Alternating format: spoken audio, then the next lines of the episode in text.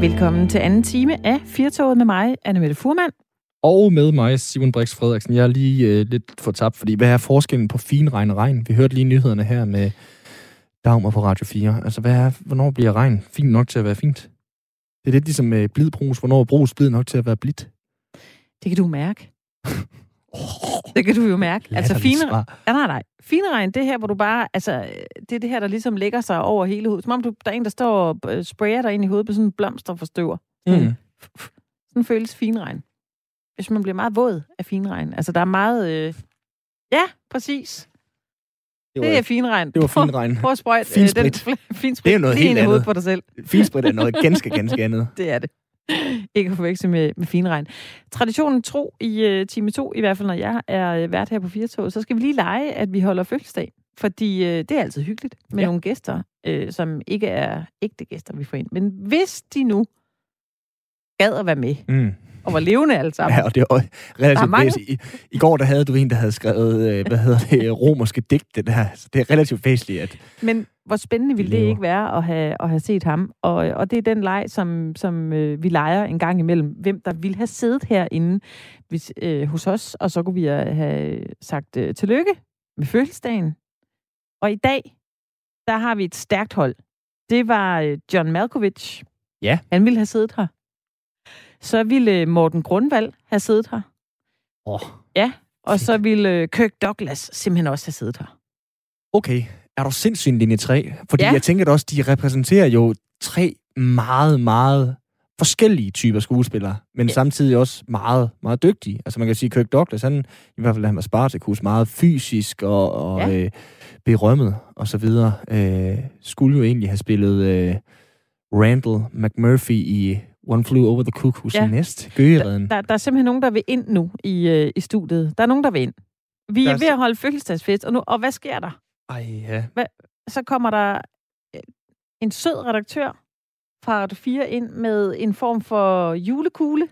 Det, er- det, Hvad er det? Det er Det er havre. der havregrynskugler. Jeg har lige sagt, at dem risikerer jeg at gå glip af i år. Ej, hvor smager de godt. Det er helt Tusind suverænt. tak Julen er reddet.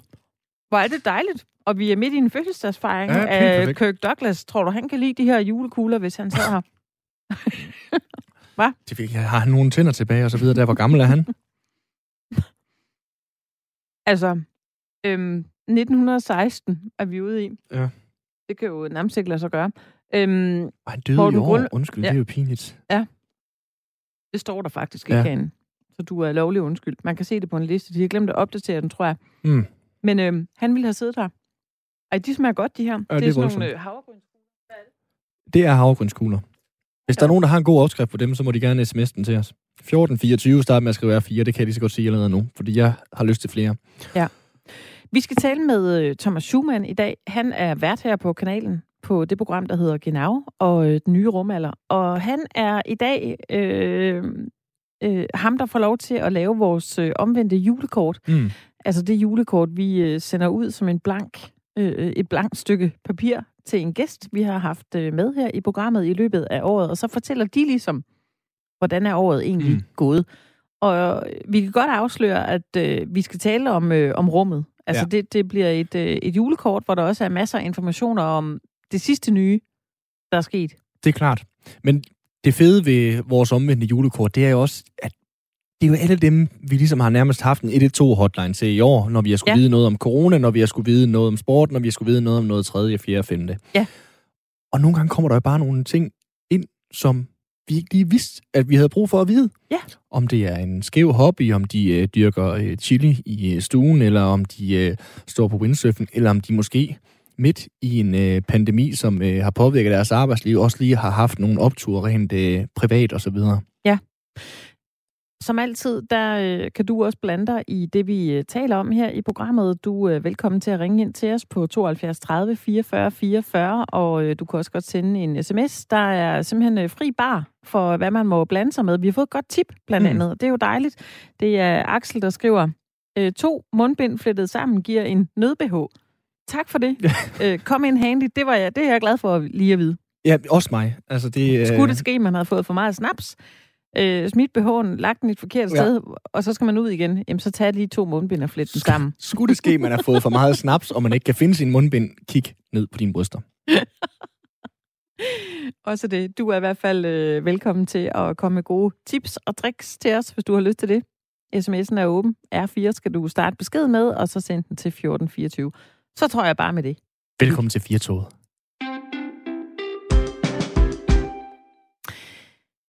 Vi har lige talt om lige før, om øh, vi to var gode til matematik. Simon, vi blev enige om, at det var der ingen af os, der var sådan øh, særlig gode til. Man kan vist godt sige, at vi er sprogligt. Altså, jeg kan huske, at jeg kom ind, da jeg havde færdiggjort min skriftlige matematikeksamen ja. på gymnasiet med printeren. Det var dengang, man havde den med selv over ja. hovedet hjem og sagde, det er over, det er slut, og jeg var sikker på, at jeg havde dumpet. Men jeg vidste bare, det her, det skulle jeg aldrig nogensinde gøre igen. Jeg gruer for den dag, jeg skal være jeg spiser stadig havregrøn Ja, det kan vi høre. Øhm, jeg gruer simpelthen for den dag, jeg skal være øh, far og skal hjælpe en unge med matematiklektier. Det, det kommer ikke til at ske. Nej, øh, jeg var også udfordret under lockdown med to børn, der skulle hjemmeskole. Mm. En i 8. og en i 5. Det, I 5. klasse, der, øh, jeg, jeg kommer altså til kort. Jeg synes, det var meget sværere, end, øh, end da jeg gik i 5. klasse. Men der er lavet en øh, undersøgelse, det er en 10 TIMSS-undersøgelse, som øh, undersøger elevernes kompetencer i matematik og naturfag. Den blev gennemført i øh, foråret 2019 med ca. 3200 elever i øh, 4. Klasser på 166 skoler, og de resultater er blevet offentliggjort nu. Det ser ikke sådan alt for godt ud. Den viser nemlig, at eleverne klarer sig markant dårligere i matematik, siden den nye skolereform blev indført i 2014. Og det er jo den nye skolereform, som ellers gav øh, de danske skoleelever flere matematiktimer, men det har ikke hjulpet på deres øh, færdigheder. Velkommen til dig, Christian Kelsen. Tak skal du have. Øh, og var det jo spændende at høre jeres refleksioner omkring, hvordan I selv har det med matematik. Ja. Man kan godt være dygtig til sprog og matematik. Det ene udelukker sådan set ikke det andet. Ej, jeg fik og, rigtig meget hjælp af en, som var dygtig til både sprog og matematik, men det var primært den måde, jeg klarede mig igennem gymnasiet på. Ja, og, og, og også det der med at, at hjælpe sine børn. Altså, det var faktisk også noget af det, vi har undersøgt. Ja. Altså, hvem er det, der har svært ved at hjælpe børnene med øh, lektier? Og øh, det er sådan, at, øh, at øh, det finder vi i øh, de hjem med de øh, færreste øh, hjemmeressourcer mm. og, og med de korteste uddannelser. Så øh, der er stadigvæk øh, noget at arbejde på der. Christian Kjeldsen, inden vi lige taler videre, skulle vi måske også lige øh, introducere dig helt korrekt. Du er viceinstitutleder for forskning på Danmarks øh, ja. Pædagogiske Universitet. Øh, den her undersøgelse, som, som viser de her lidt ikke for gode tal for 4. klasserne for danske skoleelever, er du overrasket over resultaterne af den her undersøgelse? Altså, øh, det er jo forventeligt, at når man øh, forandrer øh, skolen, så øh, kan der gå et stykke tid, hvor man ikke ser øh, de effekter, man havde håbet på. Øh, det, det, øh, så jeg havde forventet, at det nok mere var status quo, at, at, øh, at vi ikke havde fået en, en stor øh, positiv forandring. Men øh, jeg, havde, jeg er overrasket over øh, den tilbagegang i matematikfaget, som vi ser. Øh, det har overrasket mig, men det har også overrasket mig nogle af de andre øh, om, områder, nogle af de andre ting, altså sådan noget som at, øh, at løsne interessen til, til, til fagene matematik og naturteknologi er, er faldet. Øh, så øh, ja, øh, jeg vil sige, øh, størrelsesordenen har overrasket. Og vi dykker ned i den der overraskelse øh, lidt mere lige bagefter. Jeg kan bare ikke lade være med at spørge, Christian, altså hvor var du selv i forhold til matematik? Var det dit yndlingsfag? Altså, øh, øh, ja, nu er det jo altid øh, det der med, hvad, hvad, hvad kommer man selv af? Øh, I dag har jeg PUD og alt muligt, øh, men, men faktisk øh, min egen skolegang fra øh, 0. til, øh, til 3. 4. klasse, det var ikke, det var ikke nemt, øh, og øh, jeg kunne sgu ikke øh, matematik på det tidspunkt. Ja. Øh, men øh, der er mange ting, der betyder noget. Møde den rigtige lærer på det rigtige tidspunkt. Mm. Øh, få de rigtige rammer omkring det. Øh, så kan der lige pludselig øh, ske rigtig meget fagligt. Så øh, der kom jo flere det er ikke sådan noget, der altid har fulgt mig. Men nu sidder du altså øh, som, som forsker også bag den her undersøgelse med de her øh, elever i 4. klasse, som, øh, som blandt andet er blevet testet for, hvor godt de klarer sig i blandt andet matematik. Der kom jo flere matematiktimer med den nye skolereform, som, øh, som trådte i kraft her i, øh, i 2014. Altså, øh, kan der være tale om, at der er for mange timers matematik? Altså i forhold til timetallet, øh, der ligger vi øh, på det internationale gennemsnit. i 4. klasse. Og, øh, men vi ligger højere end de andre nordiske lande. Vi har markant flere timer i øh, matematik, end man har i de andre nordiske lande. Og det øh, er jo altså ikke sådan, at øh, vi så klarer os øh, bedre end dem. Så øh, det, det er meget vigtigt, at øh, den tid, man har, øh, at hvordan den bliver brugt, altså kvaliteten i timerne betyder mere end antallet af lektioner på øh, skoleskemaet. Og så skal man huske på, at øh, også inden reformen, der kunne man jo give flere lektioner end øh, mindste timetallet. Så øh, når vi kigger på øh, de børn, vi har undersøgt i 2019, og dem, vi undersøgte i 2015, så har de faktisk stort set i matematik haft det samme antal lektioner over deres øh, fireårige skolegang. Så, øh, så, så der skal man også lige holde tungen lige i munden, inden man øh, konkluderer øh, flere timer, øh, og, og det er, er det. Men, men vi ser ingen sammenhæng mellem øh, timerne og så resultaterne. Mm. Det gjorde man heller ikke tidligere i undersøgelserne, skal de huske at sige. Okay. Jeg skal sige, tung lige i munden, det havde jeg fra øh, første klasse, og så hele vejen frem gennem gymnasiet i matematiktimerne. Altså, jeg kan se, Christian, vi har fået en sms fra, fra Mikkel, der skriver, at der er et skarpt punkt, når man kommer til division i 4. klasse. Hvis ikke barnet har tæsket tabeller nok, så er der øh, nederlag i øh, horisonten, skriver han. Og jeg kan ikke lade være med at tænke i, i den her sammenhæng, når vi taler øh, matematik. Det er jo ikke fordi, at øh, jeg plæderer for, at vi skal tilbage til den sorte skole eller noget i den stil. Men er der også noget om det her med måden, der bliver undervist på, hvor der måske er mindre udenadslærer, end, øh, end der var i gamle dage, så at sige, som gør, at, at vi er blevet ringere til matematik? Altså, øh, hvorfor vi er blevet, øh, hvorfor fjerdeklasses elever er blevet dårligere til matematik, skyldes en myade af forskellige ting. Og øh, det er øh, det her med at, at, at få trænet nogle basale øh, færdigheder, øh, det er selvfølgelig øh, en ting, som vi vil øh, kigge lidt tættere på. Altså, er det, er det forandringer der, som kan være noget af forklaringen, men der er mange andre øh, årsager, der spiller ind. Øh, og øh, lad mig bare nævne en, en ting. Altså, vi finder, at der er en statistisk signifikant sammenhæng mellem matematikresultater og hvorvidt den enkelte elev selv øh, rapporterer, at de er mætte hver eneste dag, de møder i skole. Mm. Er de bare sultne en gang imellem, så falder det gennemsnitlige resultat markant. Og den andel af børn, som møder i skole øh, og ikke altid er mæt, den er steget. Så, så der er også noget udenomkring skolen, som skal tages i betragtning, øh, når vi diskuterer de her ting. Så øh, ja. Nej, det var bare, øh, det, det er da ret interessant. Hvorfor det lige er sådan? Ja, altså, det øh, vil jeg så... altså, det skal meget, du ikke kaste dig ud i. Kan, nej, altså, øh, i virkeligheden så øh, rejser det flere spørgsmål, end det giver svar. Mm. Men vi kan konstatere, at det er sådan, det er. Ja. Øh, og det kan jo skyldes alt lige fra familiernes øh, ændrede vilkår til, at øh, man ikke er opmærksom på, at, øh, at, at det er, er, er vigtigt. Øh, og så det første, man tænker, det er, jamen er det ikke et udtryk for en øget social ulighed? Øh, altså, at der er flere elever, der nu møder op, øh, og ikke altid er med det. Og der viser det sig faktisk, at den største stigning, den finder vi øh, blandt øh, de familier, som har de fleste hjemmeressourcer.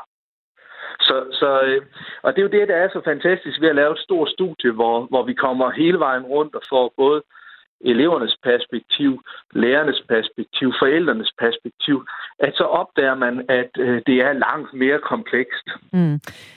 Christian øh, Kelsen, sammenlignet med de andre nordiske lande, der er Danmark gået fra at være bedst i matematik i øh, 2007 til at, at dele niveau med, med Sverige bag Norge og Finland. Hvad, hvad tror du, der ligger til grund for det? Altså, øh, vi har kunne se en, øh, en fremgang i øh, matematik og også i naturteknologi, men især i matematik hen over en snart 20-årig periode. Øh, ikke hele vejen undersøgt i TIMS øh, med 4. klasse, men, men det har været sådan øh, den fremgang, vi har haft. Og øh, det er første gang, vi får en øh, markant tilbagegang, og den den enkelte faktor, der har forandret sig mest, det er jo indførelse af reformen øh, i 2014. Mm. Så en kombination af en ændret skole, nogle samfundsmæssige forhold, øh, har, har så gjort det. Vi skal huske på, at øh, skole det er en kompleks størrelse, øh, men det er også en størrelse, hvor, hvor man kan sige, der skal meget, altså, der skal meget til for at, at, at forbedre rigtig meget. Mm. Øh, men omvendt så øh, er det her fald jo så også desto mere bekymrende. Mm. Tak fordi vi måtte øh, ringe til dig, Christian Kjeldsen, vise Altid. Det var hyggeligt at være igennem, og jeg synes, det var ja. nogle spændende refleksioner, I havde omkring jeres egen matematik. Ja, vi, øh, i, det er første gang i mange år, jeg har fået ros for noget, der har med matematik at gøre, så det er vi ja. rigtig glade for, øh, Christian. om det en gang skal være den første til alting. tak, Christian, og ja, have en fortsat god dag. I lige måde. Hej. Hej. Christian Kelsen, der er viceinstitutleder for øh, forskning på øh, Danmarks Pædagogiske Universitet, som blandt andet står bag den her undersøgelse, der er lavet af 4. klasses elever i danske skoler. 166 skoler er blevet testet i matematik. Og nu har vi lige stået her og talt det lidt ned. Simon, ingen af os er sådan øh, vanvittigt gode mm. til matematik. Det var nok heller ikke vores yndlingsfag i skolen. Nej. Men øh, jeg synes, vi skal tale med en, der har valgt at øh, studere matematik på universitetet. Og det er dig, Mille Roland Thor. Velkommen til programmet. Tak, tak. Hej. Vi har talt med dig før omkring ja. noget andet. Ja. Men nu skal vi ikke tale om det her lockdown, og hvordan det går på universitetet med den fjernundervisning. Nu skal vi simpelthen spørge dig om, øh, Mille, hvorfor har du valgt at studere matematik på Københavns Universitet? Fordi det er det, jeg synes, der er fedt. Det var i gymnasiet. Det eneste fag, jeg virkelig brændte for. Jeg synes, der var sjovt at lave, og jeg virkelig følte, jeg fik noget ud af. Så tænkte jeg bare, det skal jeg bare lave resten af mit liv. Ja. Var, var du vild med, med matematik i folkeskolen også? Øh, nej, egentlig ikke. Øh, altså, jo, jeg kunne godt finde ud af det, og ja, det var fint nok, men det var ikke sådan lige mit yndlingsfag. Det var faktisk først omkring 9. klasse, at jeg begyndte på, at det gik op for mig, at jeg godt kunne, altså, jeg godt kunne lide at lave det. Jeg egentlig hyggede mig ret meget med det. Og så i gymnasiet, så gik det rigtig, rigtig godt i gang. Og, og hvordan øh, endte det den vej, skulle lige så sige? Altså, var det den rigtige lærer, eller var det, øh, at du bare fandt ud af, at du kunne næle Pythagoras? Eller hvad er det, der gjorde, at du lige pludselig synes, at det var super fedt først i 9. klasse, og så derefter? Jamen, det, altså, 9. klasse, der begyndte det hele ligesom bare at give lidt mere mening. Og så, mm. da jeg kom i gymnasiet, det var, at jeg, jeg fik en rigtig god lærer i gymnasiet. Og øh, så begyndte alting ligesom at give lidt mere mening, fordi i gymnasiet, der begynder du på at forstå lidt mere, hvorfor du bruger de formler, du bruger, fordi de bliver, du får beviser for dem. Og det giver bare matematik, gymnasiet matematik giver bare lidt mere mening, synes jeg, end mm. det gjorde i folkeskolen. Altså nu kan jeg jo lige så godt være ærlig, Mille, den her lille sluttede kreds øh, på national taleradio. Altså, jeg havde det jo også sådan med matematik, at jeg synes lidt, det var sjovere at se maling tørre. Og, og, og, og det er der jo sikkert nogen, der har det på samme måde med, med mit yndlingsfag, som var dansk, at det der med at læse et Henrik Pontoppidan-digt, og så finde me, øh, mening i det, det også var, var, var røvsygt. Altså prøv lige at fortælle mig, hvad er det ved matematik, du synes, der er fedt? Er det det her med, at der er to streger under facit, eller hvad er, hvad er det, der gør, at du synes, det er fedt? Altså helt klart, en af de helt store øh, dele af det, det er det der med, at der er to streger under facit. Der er et rigtigt svar. Og måske kan det være plus minus eller et eller andet, men der er bare der er kun et rigtigt svar. Og så også altså forløsning i, når man, når man sidder og knokler rigtig hårdt i, i, med et problem i lang tid, og du sidder bare, du er så frustreret, og det giver bare ikke mening noget af det. Og så lige pludselig, så slår det bare klik, og så giver det hele bare mening, og det er bare den fedeste følelse. Det kan, det kan Ej, være, det, er den, jeg mangler. Det er den, der det, nåede aldrig, aldrig dertil. Simon og jeg nåede simpelthen aldrig dertil, hvor vi tænkte, øj, det her er fedt, mand, jeg kunne finde ud af det. Men, men men Mille, nu siger du selv, at altså, i folkeskolen, der var du ikke sådan særlig vild med matematik. Det kom i, øh, i gymnasiet, hvor du havde en god lærer, og du begynder at, at se, sådan, hvad du kunne bruge det til. Altså, hvordan synes du, man kunne være med til at gøre matematikken mere interessant? Altså, det, den helt store del for mig, det var jo det der med, at man får... at jeg fik en rigtig, rigtig, rigtig god lærer. Faktisk flere rigtig dygtige lærere i gymnasiet i matematik, fordi jeg gik i to klasser. Og det er det der med, at man får en, der selv virkelig engagerer sig for faget, og er virkelig glad for at videre formulere det til nogen, der måske ikke synes, det er helt lige så nemt, som man selv synes, det står jeg, Eller selv står og synes, det er. Hvis det giver mening. Så også bare, ja, altså, man kan se en, øh, en, altså en, en måde, man kan bruge det på. Ja, at man får lov til at bruge det på nogle fede måder.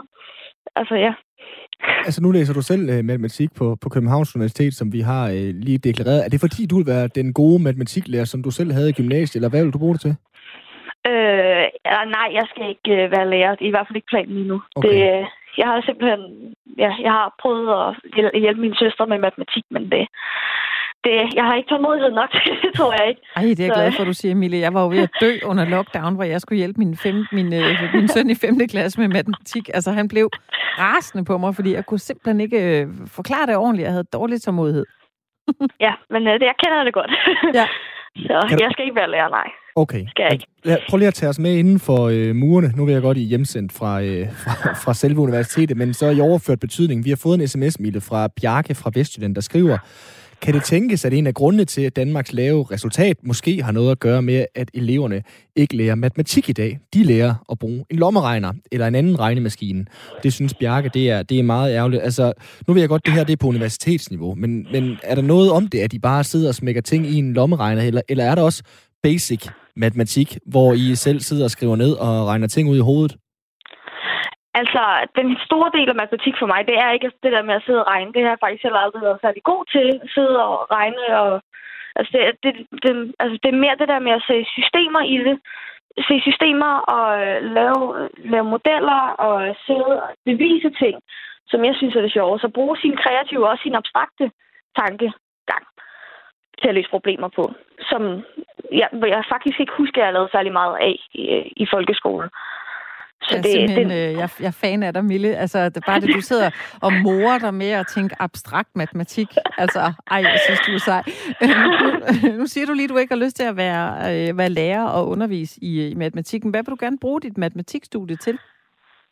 Har du det tænkt over har det? Jeg, det har jeg ikke taget beslutning om nu. Det, det ved jeg ikke. Det, jeg synes bare, det var bare, jeg vidste bare, det var det, jeg skulle lave. Og så må jeg finde ud af, hvad jeg skal bruge det til senere. Jeg skal nok finde på noget fedt at lave. Oh, det så... tror jeg. Du sælger det i hvert fald godt, det med matematik.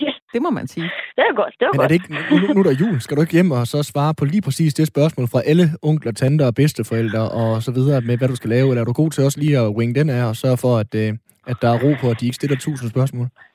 Altså, det er jo de sidste fem år, jeg har gået og sagt, at jeg skulle læse matematik. Og hver gang har jeg fået den der, hvad kan man bruge det til? Og så siger jeg bare, altså, det, du kan bruge det til alt, fordi man får simpelthen en, en så god hjerne til at, altså, til at løse problemer med. Altså, man får en helt vildt god tankegang, og det er det, der er så fedt ved det.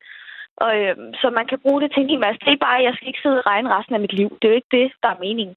Det er bare, altså, ja, det, jo, jeg forklarer det rigtig, rigtig ofte, at man kan bruge det til rigtig mange ting. Og du er ikke speci- altså, du er uddannet matematiker, men du er ikke uddannet som en specifik profession. Mm. Så, Vi er Ja. ikke bekymrede for dig i hvert fald, Mille. Tusind tak, fordi du var med. selvfølgelig. Tak selv tak. Mille Roland Tostrup, altså matematikstuderende på Københavns Universitet. Hold nu op. Jeg synes, det er så fascinerende, at, at, at altså folk, der elsker den her sådan matematiske øh, altså en form, hvad de kan bruge. Altså hun sad jo og sagde, jeg, jeg kan lave formler. Jeg kan Mm. bygge noget. Jeg kan regne ting ud. Jeg kan, min hjerne, jeg får en god hjerne af det. Det er da fascinerende. Det er vildt fascinerende. Og jeg forstår ikke, hvordan de kan. De mennesker, som, øh, som øh, kan tænke logisk på den måde. Og jeg har jo sådan et drøm, en drøm om, at ordet nørd, det ikke er et øh, fyord, at det, det ikke er sådan tabubelagt, at det er bare nogen, vi tror står over i et hjørne med briller og øh, bumser i ansigtet og Mm. filthue og sådan nogle ting der, men, men at egentlig er noget, vi gerne vil, øh, vil anerkende. Ja, gør vi ikke det? Jamen det, kan, det synes jeg ikke rigtig, vi er så gode til i Danmark, fordi nørder, de findes jo på alle måder, og de er da seje. Altså, Mega Mille, seje. hun lyder da som en matematiknørd, og hun er da sej. Ja. Altså, det, øh, det, det tror jeg da nok. Det synes jeg da, man gør. Du siger mand. Det, ja, ja, det, Ja. ja. Det kan vi øh, prøve at forfølge. I hvert fald så øh, kan man sige, at øh, Mille jo er fortaler for, at øh, matematik er et, øh, et fag, som også er, er rigtig, rigtig sjovt. Mm. Lad os håbe, at de 4. klasses elever, som er testet øh, i den her undersøgelse, øh, får et øh, bedre resultat næste gang. Nu skal vi tale om noget, der øh, både kan være et vidundermiddel for øh, sportsudøvere og øh, også for folk med kroniske smerter. Og ja, der er nærmest ingen grænser for de herlige virkninger af cannabis. Mm.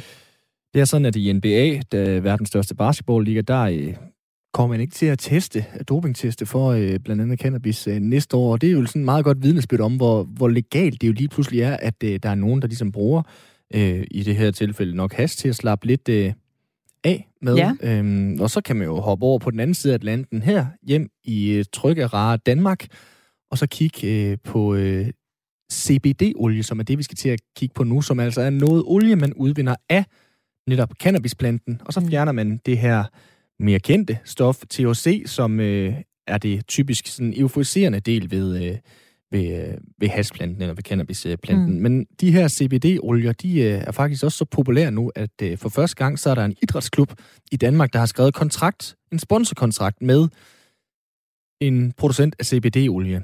Det er klubben Aalborg Pirates, ishockeyklubben, der spiller i Danmarks bedste ishockeyrække, som har skrevet kontrakt med Meron, som er et nyt CBD-olieproducent, som er opstået her i Danmark, mm-hmm. af to ishockeyspillere, hvor er den ene sjovt nok spiller i Aalborg Pirates.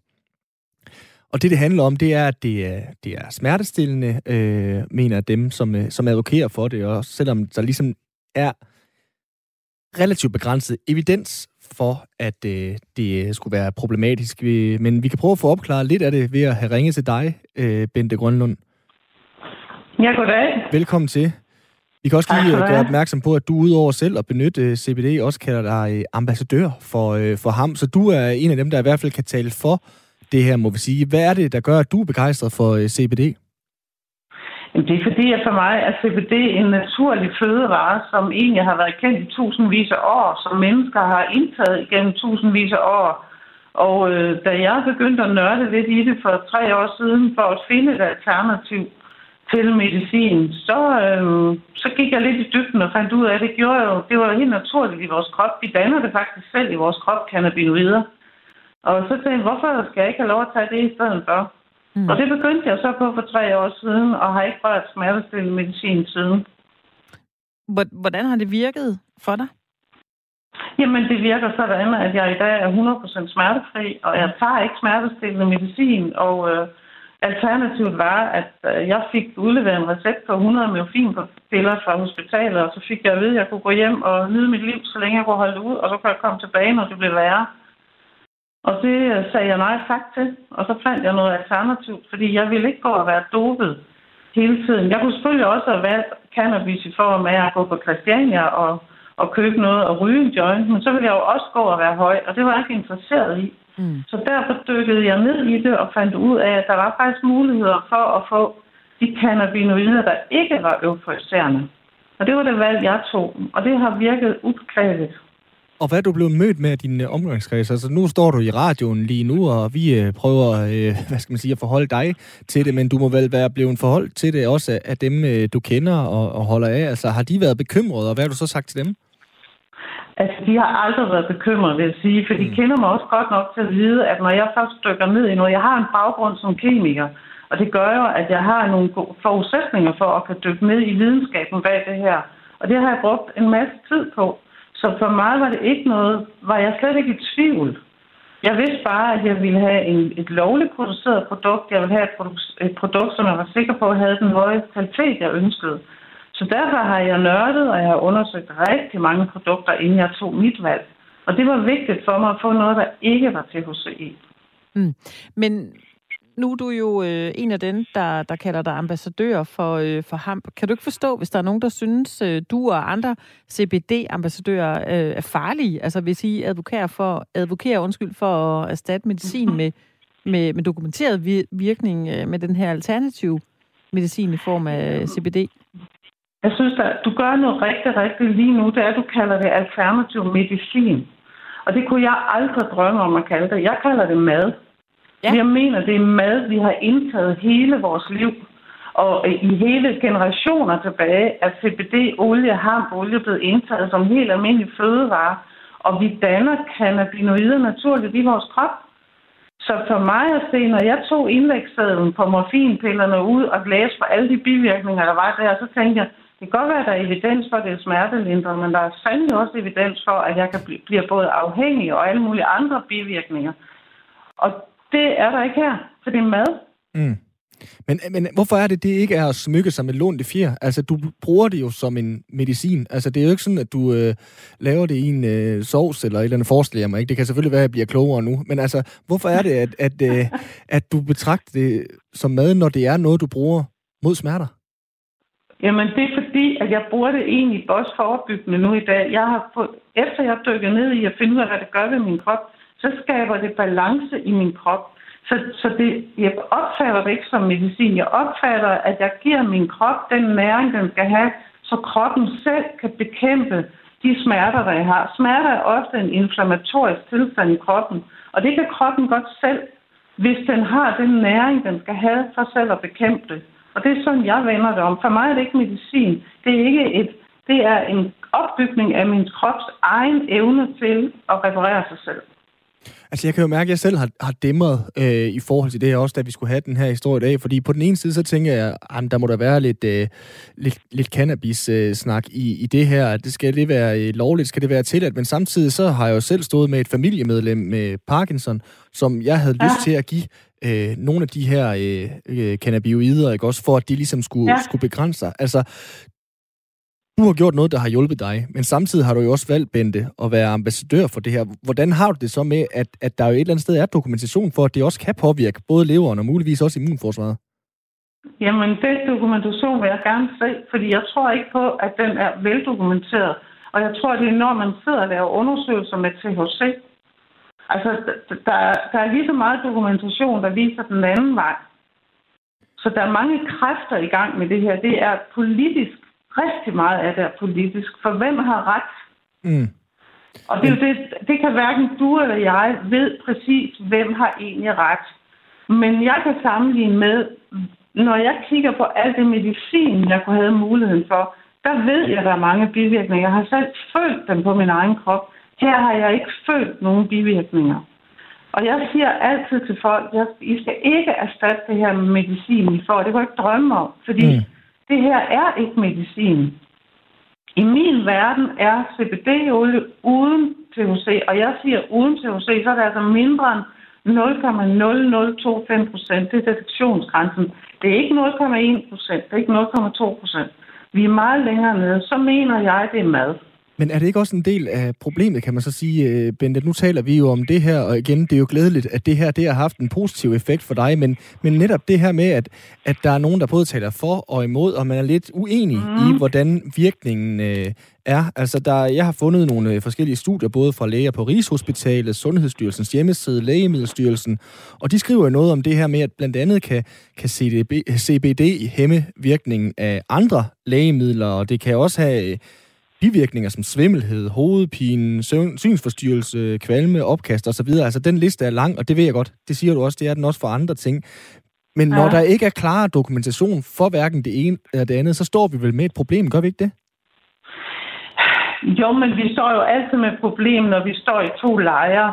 Og, og det gør man jo altid, når man taler den etablerede sundhedsvæsen og det, hvad skal man sige, alternative sundhedsvæsen. Og jeg vil gerne trække mig helt ud af det, for jeg vil ikke engang kalde det alternativ. Jeg kalder det stadigvæk mad. Men det er klart, at der vil være forskere, der siger det ene, og der er forskere, der siger det andet. Men jeg synes også, at vi skal heller ikke være blinde for, hvad nu hvis det faktisk er sådan, at en helt almindelig CBD-olie, som er ganske uskadelig, erstatter måske 50 procent af den medicin, der bliver udskrevet i dag. Det er en påstand, jeg har nu. Det er ikke noget, jeg har dokumentation for. Mm. Men der er nogle forskere, der er ude og sige det. Hvad, hvad kunne det betyde for vores medicinalindustri? Mm. Men jeg kan jo ikke lade være med så at spørge, Bente, altså, hvilke tanker har du så gjort dig i forhold til det med nu at, at advokere for, at andre kan bruge det her? Altså, forstå mig ret, det er ikke sådan, jeg siger, har, har, har, har du ikke nok i dig selv -agtig. Men altså, det, det har hjulpet dig fint, færdig slut, så er det ligesom sådan, der. Det her med, at du også nu går ud netop på øh, bagkant af, at der ikke er sådan helt entydig dokumentation og siger, det her det er altså en god idé. Hvordan har du det med det? Men jeg har det godt med det. Altså, jeg har det rigtig godt med, at jeg fortæller min historie. Jeg gør også meget ud af, hvis folk kommer og spørger mig, om, om jeg vil anbefale dem at tage olie. Så siger jeg, jeg kan ikke anbefale nogen det er jeres valg, hvad I skal gøre. I skal altid vælge, hvad de kan fornemme. Der, der, det er en eneste, der kan mærke på ens krop, hvad der er godt for en. Det er en selv. Mm. Der er ikke nogen andre, der kan bestemme det. Mm. Og det synes jeg er så vigtigt. Jeg er ikke bekymret for at sige, at det her er fantastisk, og det har hjulpet mig fantastisk. Mm. Men jeg, kan ikke, jeg er hverken Gud eller Herre eller noget som helst over andre mennesker, så de skal selv vælge deres valg. Mm. Bente, nu sagde du lige før, at øh, du har sluppet øh, en del medicin, blandt andet morfin, du fik øh, udskrevet, som du kunne øh, tage ja. for at lindre smerter, og nu har du taget de her CBD i et øh, stykke tid og, øh, og har det meget bedre. Kan du øh, varetage et arbejde helt normalt nu? Fuldstændig. Altså, jeg, jeg er fuldstændig funktionsdygtig. Mm. Og hvordan var det og, før? Og, jamen der kunne jeg ingenting. Jeg havde så ondt, så jeg kunne ikke være nogen steder. Altså, jeg havde en cancer i min ryg. Og hvis nogen har prøvet det, så ved de, hvad det indebærer smerter. Og øh, i juli måned blev jeg frigivet på, på Rigshospitalet. Er 100% rask. Og for tre år siden kaldte de mig terminal klar til palliativ behandling. Mm. Og, det, og jeg siger ikke, det er CBD'ens skyld. Det kan være heldigt.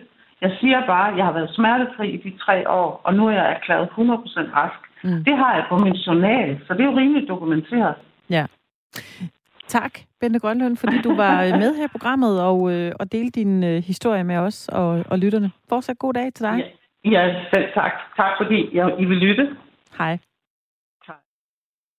Jeg har fået en sms Ja. ja. på det. Der er Ja. desværre ikke så mange studier af CBD, da det er et naturmiddel, og derfor ikke kan patenteres af medicinalindustrien. Og det, altså, det er jo en, øh, hvad skal man sige, en, øh, en tynd balancegang, vi øh, wader på lige nu, ikke også? Fordi der netop, i hvert fald også ifølge nogle læger, jo stadigvæk er øh, sådan på det spæde stadie af øh, hvad hedder sådan noget, øh, undersøgelser, rapporter og så videre. Der, der, er, øh, der er bivirkninger ved rigtig mange ting. Det er jo også det, man snakker om lige nu med en coronavaccine. Altså, hvordan er den kommer til at påvirke om lang tid og så videre. Mm. Men her med CBD-olier, man har som sagt fjernet det her THC-stof, som er det øh, euforiserende øh, og så videre, men samtidig har man jo set bivirkninger, hvor folk er blevet euforiserende. Og hvad er så årsagen til det? Mm. Det er godt, jeg ikke skal komme med det klare svar, men Ja. ja. øh, vi fik i hvert fald en fin øh, beretning fra, øh, fra Bente Grønlund her.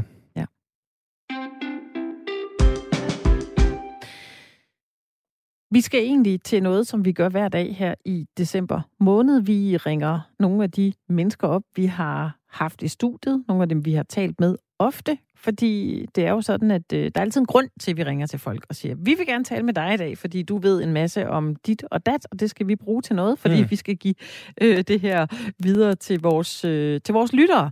Og så kan man jo sige, at vi øh, lader som om, vi sender dem et julekort, Mm. et blankt julekort. Det udfylder de selv sammen med os. Ja. i radioen og fortæller, hvordan er dit år egentlig gået? Fordi det er jo det her med, hvem er mennesket bag den her ekspert, vi står og taler med? Mm. Hvad synes de er interessant? Hvad laver de til hverdag? Har de købt deres julegaver? Hvordan har, har det her år egentlig øhm, hvad hedder det, påvirket, øh, påvirket dem? Og øh, skulle vi ikke lige spille den der øh, ulidelige lyd? Jo. Når man åbner et øh, julekort. Altså ulidelig på den der øh, dejlige måde, Jeg skulle jeg. lige sige, det er lidt ligesom, når man siger, Gud, det her det smager af helvede til, og så øh, skal man lige prøve at smage det alligevel. Vi kender alle sammen lyden.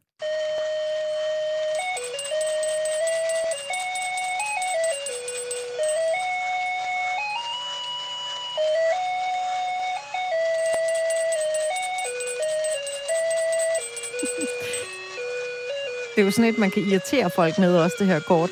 Man kan rende og åbne det hele tiden. Kender du det? Ja. Hvis du har et. Ja, det er Ja. det der... Ja. Svende, som jeg sendte med i sidste uge, han Ja. var jo nærmest lidt øh, ærgerlig over, når det gik tør for batteri. Altså, det, for mig, Ja. der kan det nærmest ikke gå hurtigt nok. Det, Det er det er ligesom, dejligt. hvis du smækker et eller andet til opladning, der lyser, og så det bare bliver ved med at bimmel og bammel ind i øh, værelset om aftenen. Ja. I dag der skal vi øh, til dagens julekort, og det er øh, Thomas Schumann, som øh, er øh, manden bag julekortet i dag. Velkommen til dig, Thomas. Ja, jo tak. Jeg troede lige, at jeg havde forbindelse til en faxmaskine lige før. Det er bare vores øh, julekortslyd. Du er jo vært her på Radio 4 på øh, programmerne Genau og Den Nye Rumalder. Øh, og du øh, huserede jo en del her hos os i Firtoget, før du fik dit øh, eget program i det her lille, øh, i den her lille feature, vi havde i programmet, der hed Rum Onsdag. Og den lyt, hurtige lytter vil jo øh, konkludere, det er jo fordi, det var om onsdagen, at vi snakkede øh, om rummet med dig. Og selvom du har fået øh, frit valg her i julekortet, så er vi landet på en snak om rummet alligevel. Øhm, Ja. Om lidt, der skal vi jo lige til Radio 4's SD-kort, der skal en tur ud i rummet. Men allerførst, Thomas Schumann, så skal vi lige have en, øh, en aktuel snak, fordi det handler lidt om det her Starship-projekt, der lige nu prøver en, øh, en testflyvning. Kan du ikke lige prøve at forklare Ja. lidt om det? Jo, altså lige nu øh, er jeg jo derhjemme øh, og ser en livestream over for Texas. Og det, jeg kan se på min skærm, det er simpelthen en, en live video fra det her øh, rumskib i rustfrit stål, der står nede i, øh, i Texas og skal testflyves i dag, forhåbentlig, om alt går vel. Og øh, det, det går ud på, det er, at SpaceX øh, vil jo gerne kolonisere Mars. Og de har fundet ud af, at øh, hvis det skal kunne lade sig gøre at sende mennesker til Mars og bygge en, en, en by derop, jamen så skal det blive noget billigere at flyve med rumraketter, end det er i dag. Altså lige nu så fungerer rumfarten på samme måde som hvis, øh, hvis, øh, hvis, hvis flyvemaskiner de kun kunne bruges én gang. Altså der er ikke så mange, der har råd til at, at tage rummet i det hele taget, fordi raketterne de øh, normalt kun bruges en enkelt gang, og det er ret dyrt at lave sådan en rumraket. Det SpaceX vil gøre med Starship-rumskibet, det er at gøre den genbrugelig, så det kun er brændstoffet, du betaler for, og på den måde revolutionere øh, rumfarten. Øh, og det, øh, det er altså det system, de tester i dag. De skal teste øh, den første sådan for alvor flyvning med det her Mars-rumskib Starship, hvor den flyver op i 12,5 km højde, og så skal teste den måde, den skal lande på igen, når den kommer tilbage ned til jorden. Altså, det ligner noget, man næsten kunne, uh, kunne lave ud af nogle staniolruller. Den er sådan sindssygt blank, og så kunne man placere sig uh, sådan i samme uh, genre som de her ikoniske Airstream uh, campingvogne. Hvorfor er den her så skældsættende for rumfart? Jamen, det er jo skældsættende, øh, fordi den nemlig skal barbere øh, prisen så langt ned. Altså, jeg har hørt, at, at, de vil prøve at sælge øh, altså, altså rejser til Mars for en million kroner. Hvor forestiller jeg det? At man kan... Altså, det, det er jo noget, som folk, der har, der, der har råd til at købe et hus efter noget tid, øh, måske kan sælge det hus, og så øh, sælge deres ejendel, og så flytte til Mars. Altså forholdsvis almindelige mennesker. Det er det, der er skældsættende i det. Det er, at det kommer fuldstændig til at, hvad hedder det, at, altså det kommer til at være lidt en singularitet på en eller anden måde i, i rumfarten, i den forstand, at det, vi har ikke set øh, altså adgangen til rummet være så billig, øh, som det, som Starship lover at blive. Det skal selvfølgelig siges, at vi ved ikke, hvad den løber ind i af, af problemer. Det var også sådan med rumfærgen, den amerikanske rumfærge øh, i sin tid. Den lovede også nogle af de samme ting, men blev aldrig så billig, øh, at man kunne gøre de her ting. Men altså, SpaceX er jo en privat virksomhed, der udvikler det her, så det er lidt på nogle andre betingelser, at de gør det. Øh, også for et helt, øh, altså det er helt deres egen måde at, at gå til, øh, til arbejdet på. Så der er rigtig mange derude, for eksempel, altså de folk, der følger sådan en opsendelse her, som i, som i dag, øh, der, altså, der, der sidder og klapper af det hænder, fordi det er som om, at, at den, er, den indvarsler, at alle de der science fiction drømme om menneskeheden, der rejser ud i, i rummet og bor på øh, andre planeter, øh, rejser ud mellem øh, asteroiderne, at de kan blive til virkelighed. Ja, jeg skulle lige til at sige, Thomas, altså, hvad er ligesom perspektivet i det her? Altså, er, er det, at der skal til at være rumturisme på en eller anden måde? Eller, fordi vi har jo Vesterhavet, og vi har også en uh, tur til uh, Grækenland, til en græsk ø, hvis vi gerne vil ned og have sol og varme og så videre der. Er det fordi, at vi hvad? gerne vil have en tur til, uh, ja, hvad vil jeg, uh, Mars' måne, og så hygge sig der? Jeg tror, at rumturisme det er næsten at kigge på det, på det for snævert. Altså, forestil dig de der science fiction drømme, man har, altså forestillinger, man har om, at folk bare som sådan helt naturligt tager, tager ud i rummet. Altså, det, jeg, jeg, jeg, nogle gange så tænker jeg på det sådan her, altså livet her på jorden har gennemgået forskellige stadier. Det startede i, øh, i verdenshavene, ikke? og så udviklede det sig til at kunne leve på land. Det vi på en eller anden måde ser nu, og, og som jeg ser lidt Starship som et symbol på, det er, at, øh, at livet som sådan kan, kan potentielt tage det næste skridt. Altså, vi går fra, fra jorden til os og sprede os ud i solsystemet. Det er, mm. det er perspektivet i det. Thomas Schumann, øh, det vi har gang i lige nu, det er jo at, at skrive et, øh, et julekort, og øh, jeg kan allerede høre, når man får julekort fra dig, så er det, det er simpelthen spækket med fakta om det sidste nye i, i rummet. Men øh, jeg, jeg er nødt til lige at tage den ned på, på jorden igen, ja. inden vi lige går videre med, med mere viden om rummet. Øh, har du fået købt alle dine julegaver? Nej, jeg har ikke købt den eneste julegave endnu. Er det rigtigt? ikke den eneste. Ej. Men jeg er også en af dem, som øh, har det med at gøre det den, den 23 klokken lidt i lukketid. Er det rigtigt? Du er ikke sådan en, der ja. finder særlige rumagtige gaver på nettet, og så giver sådan nogle øh, nørdede julegaver til din familie? Øh, nej, det, det, det, det, må jeg sgu, det, det, det får jeg ikke også Måske et lillebror, der også er rimelig rumfart interesseret. Det, det tror ja. jeg faktisk, jeg har købt ham en, øh, en rumfart t-shirt øh, okay. en gang. Okay. Ja. ja. ja. Altså, jeg er jo sådan en, der elsker Star Wars, for eksempel. Altså, jeg vil jo elske at få et eller andet rumfartsrelateret, øh, Thomas. Altså, hvordan, hvordan taler du om det, når du er sammen med for eksempel din familie? Din lillebror kan jo så høre, han kan godt være med på, øh, på den her lidt rumfartsnørderi-snak. Øh, Men øh, sidder du til øh, for eksempel juleaften og siger, kæft, det var bare vildt, det der skete øh, den 9. december. Nu skal I bare høre. Eller, eller er folk sådan lidt, åh oh, gud, nu øh, begynder han at svæve væk til en fjern måne igen? Altså, jeg tror, jeg, jeg tror bare, jeg har lært at sidde og vente på, at, der, at, at samtalen sådan lidt naturligt falder, falder hen mod rumfart, eller jeg lige kan ja. gribe den på en eller anden måde. Fordi jeg har godt indset, at det, det er ikke altid noget, som ligesom folk de, øh, de helt naturligt uh, begynder at tale om. Ja. Men man kan sige, jeg, jeg tror, jeg, jeg tror jeg helt ærligt talt med, med sådan noget som det her Starship, jeg tror, at det bliver, en, det bliver en mere almindelig ting. Jeg tror, vi vil se over de næste år, at, at det, øh, det kommer til at være noget, som, som mange flere får øjnene op for. Hvordan øh, drejer samtalen sig sådan helt naturligt hen på noget med rumfart? Altså er det sådan et notching, du har gang i, eller hvad gør du? Jamen, jeg ved ikke, øh, hvordan det er. Altså, hvis nu der er nogen, der finder rommen frem, så kan man jo sige, øh, det rimer jo lidt på rummet. øh, noget af den stil, jeg ved ikke.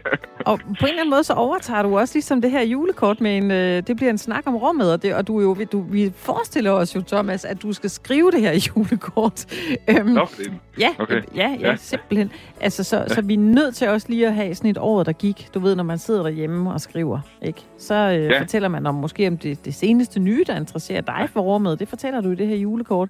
Øh, så skal vi også lige have sådan en, hvordan har året været for dig? Jamen, det, Øh, altså for rummet eller for mig? Du må godt vælge for rummet. Det ville jeg synes var øh, interessant. Hvad har det været for altså, et rumår i 2020? Altså, jeg synes, det har været skældsættende på den måde, at øh, hvis vi bliver ved SpaceX, øh, at det er jo lykkedes SpaceX at sende mennesker op til den internationale rumstation på deres øh, Crew Dragon øh, rumkapsel. Øh, først med Demo, øh, Demo 2-missionen, hvor Bob Benken og Doc Hurley blev sendt op, og så siden den første operationelle flyvning, som vi så for en øh, måneds tid siden, op til, til rumstationen. Det er aldrig sket før, at en privat virksomhed på den måde har leveret den service for, for et rumfartagentur og sende, sine, øh, sendt, sende deres astronauter op i rummet. Og så den anden ting, jeg synes, man skal hæfte sig ved øh, i år, det er også, at vi har sendt tre missioner afsted til Mars. Øh, en kinesisk mission, en amerikansk mission, og så en øh, mission fra de forenede arabiske emirater øh, som skal op og undersøge Mars. To af dem, de, de lander på Mars. Og så den, den tredje ting måske også, øh, det er alle de her øh, missioner, vi har, i, øh, som, som har været i gang øh, med at hente prøver tilbage fra rummet. Kineserne, de er jo lige, de er jo lige nu i gang med en, en mission til månen, som henter to kilo månestøv øh, ned til jorden igen. Øh, jeg ved ikke, hvornår det er, den øh, kommer tilbage. Det er nok her i gang hen mod weekenden eller sådan noget i den stil. Øh, og så er vi, øh, japanerne, de kom jo tilbage med nogle prøver, noget, noget støv fra en, øh, en asteroide her i, øh, i sidste weekend. Så det er også, altså, det, det er nogle store landvindinger, synes jeg. Der, der, der sker faktisk rigtig meget, og der er rigtig mange lande, der er med efterhånden. Det er jo også lidt derfor, jeg har valgt at kalde mit, øh, min udsendelse den nye rumalder, fordi der netop er så mange aktiviteter i gang, som jeg ja. synes, man begynder at se mere og mere nu. Mm. Øh, du har meget insiderviden om, om rummet, øh, Thomas Schumann, og i det her julekort, så ville jeg være nysgerrig, når jeg åbnede det for dig, om der stod noget om, om du vidste, hvad Elon Musk han køber til jul. Hvad tror du, der står øverst på hans ønskeliste? Og det er et godt spørgsmål. Manden bag Teslaen, manden bag Starship, ja. der skal til rummet. Ja. Han har jo en drøm jeg om, tror, at vi kan bruge øh, Starship som øh, almindelig fragt ja. af mennesker, der skal fra A til B. Jeg tror, han køber store mængder, eller han ønsker så store mængder uh, rustfrit stål. Det tror jeg, det er det, han, uh, han har på øverst. Fordi det er det, Starship er lavet af. Og den er altså 9 meter bred og 50 meter høj. Det og er bøvlet her under juletræet. Ja, ja. I rå mængder rustfrit stål. Ja. Ja. Ja. ja. Ja, lige præcis. Altså, hvad, hvad, hvad laver du, Thomas, når du ikke, uh, skulle lige så sige, er i, er i rummet? Når jeg ikke er i rummet? Altså, når jeg ikke følger rumfarten. Ja. Altså, det er jo det eneste, jeg laver. Det er det eneste, du laver? Udover, okay. Udover arbejde. altså, så, så har jeg også mit program, det Genau, ikke, der handler om Tyskland. Ja. Så det, det laver jeg også. Øh, ja. Ellers, øh, ja, ellers jeg, jeg, jeg, jeg, må indrømme, at jeg følger rigtig meget med. Altså, det, det, det, som jeg gør nu, det er jo en del af min, min fritid at sidde og følge med i sådan en, uh, en opsendelse her. Altså mm. en testflyvning. Mm. Hvad kan Men, tyskerne... Det er ligesom at se fodbold. Det er ligesom at se fodbold. Hvad kan tyskerne og, øh, og rumfart? Altså, kan man fusionere dem på nogen måde og sige, at der er de sindssygt gode med deres ordning mod sign og deres planlægning ned til mindste detalje? Ja, de er faktisk rigtig gode. Altså, det er jo, det er jo en central spiller i, øh, i det europæiske rumfartagentur. Det er også en tysker, der har været generaldirektør for ESA, øh, Johan Dietrich Wörner. Og øh, jeg havde faktisk en historie for ikke lang tid siden i den nye rumalder, som handlede om øh, ty, øh, tre tyske startups, øh, startup virksomheder, øh, der vil lave rumraketter. Øh, så man kan sige, øh, efter, altså det var, jo, det var jo tyskerne, der opfandt den moderne rumraket, om man vil, eller det var uh, Werner von Braun, der opfandt uh, turbopumpen til den uh, moderne rumraket, som, som alle moderne raketter, uh, rumraketter, de er baseret på. Uh, og nu er tyskerne ligesom i gang med at, at skulle udvikle deres egen rumfartindustri igen, kan man sige. De har været lidt ude af det game i, i lang tid, må man sige, siden, ja. uh, siden 2. verdenskrig. Men uh, der er ligesom tre tyske startups, som, som har fået noget støtte og som de er meget ivrige for ligesom også at, at komme med i det game, som man kan sige, SpaceX de ligesom har sat i gang. Mm. Thomas øh, Schumann. det lyder som om, det er ikke nok for dig at skrive et julekort. Du er simpelthen nødt til at Nej. skrive en julebog, og så kan du give den øh, til din familie. Den kan, du, øh, den kan du sende ud. Men tak, fordi vi måtte øh, forstyrre dig øh, her i Ja, vores ja, øh, ja. lille Ja. julekortsnak, som vi jo har med nogle af de gæster, som har besøgt Firtoget rigtig meget i løbet af året. Vi vil sige øh, glædelig jul til dig. I lige måde, så øh, tak til Firtoget, fordi Ja. jeg mener, at det var der, at den nye rumalder det startede. Jamen selv tak. Skulle der være en anden gang. hej, hej Thomas. ja, ha' det godt. Ja, hej. Det var et øh, avanceret julekort, vi fik her. Ja. Det, øh, der var paratviden, som øh, er det her, hvor man tænker, hold nu op. Jeg er klar til Trivial Pursuit i juledagene. Ja, hvis er der kommer det? noget om rumfart. Ja, Det er det løs endnu. Altså, det, der var så hyggeligt, når Thomas besøgte os her i løbet af året øh, i Firtoget, det var, at, øh, at altså, folk de er jo ret nysgerrige på, hvad er det, der foregår. Det var derfor, vi Mm. lavede det til en ting hver, hver onsdag. Vi har en øh, ny på banen i morgen i et, øh, et julekort. Det har vi. Skal, vi skal have skrevet, øh, Simon, det, har du egentlig skrevet julekort? Nej, det, det, jeg er ikke 100, skulle jeg lige så sige. Altså, det, det har jeg aldrig gjort. Jeg tror simpelthen, det, hvem skal jeg sende det til, skulle jeg lige så sige. Mm, Nej. altså, Nej, hvem, nej. har du gjort det? Øh, nej, det har jeg ikke. Øh, jeg er enormt glad for at modtage julekort. Jeg synes, der er noget virkelig dejligt Det over de er her fantastisk. øh, analoge kort, nogen har siddet og skrevet om, og så kan man øh, stille Jeg dem op på kaminen, hvis man havde en kamin. Ja, jeg elsker at læse når jeg for eksempel har været hos min farmor, eller hos min mormor, så se den bunke af kort, og så bare læse, hvordan... Øh, og nogle gange har jeg haft lidt svært ved at tyde skriften, det må jeg ærligt erkende der, men Ja. ja. bare læse de kort der, det synes jeg er fantastisk, men det er ligesom noget, der hører, øh, hører dem til, på en eller anden måde, mine bedsteforældre. I morgen, der har vi et lidt anderledes program her i Firtoget. Vi går øh, på gaden, fordi vi skal lige tage et, øh, simpelthen lige tage et bestik af øh, situationen i Aarhus. Nu mm. sender vi i Forhus, så det er klart, der går vi rundt. Vi har vores øh, reporter Simon Schmidt i København. Vi tager lige et øh, kig på, hvor gode er vi egentlig til at øh, følge de her nye restriktioner, der er, er kommet ind over os. Det er noget af det, som øh, programmet står på i morgen. Ja, og I er hjertens velkommen til os at byde ind i morgen, akkurat som I har gjort i dag, med både opkald og på sms. Nummeret det er 72 30 44 44. Du kan sms til 14 24, så husk nu det til i morgen, hvor vi rigtig gerne vil have, at du hjælper med at øh, køre firetoget der. Det er ikke hver dag, man får lov til det. Og man kan også godt sende en hilsen i morgen. Mm. en julehilsen til øh, nogle af dem, man synes kunne trænge til et, øh, et ekstra lille kram, der kan komme ud af, af højtalerne. Hvis man bliver hængende her på Radio 4, så er der øh, Kreds med Rikke Kolin, som er Radio 4's kulturprogram. På genhør.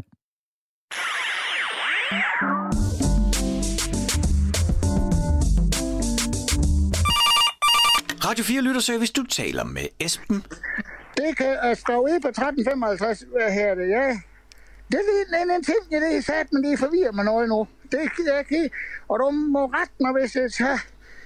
Altså, nu, ja, Ja. hvad her det, øh, det går sat med stærkt med de her folk, der skal, for, kan forlade øh, os for tidligt, ikke også? Aha. Hvad her, nu, øh, de, det hele har fyldt nu, ikke også? Jeg vågner op en dag, så står der, øh, hvad her det, Madonna, mm. ikke, og hun er død.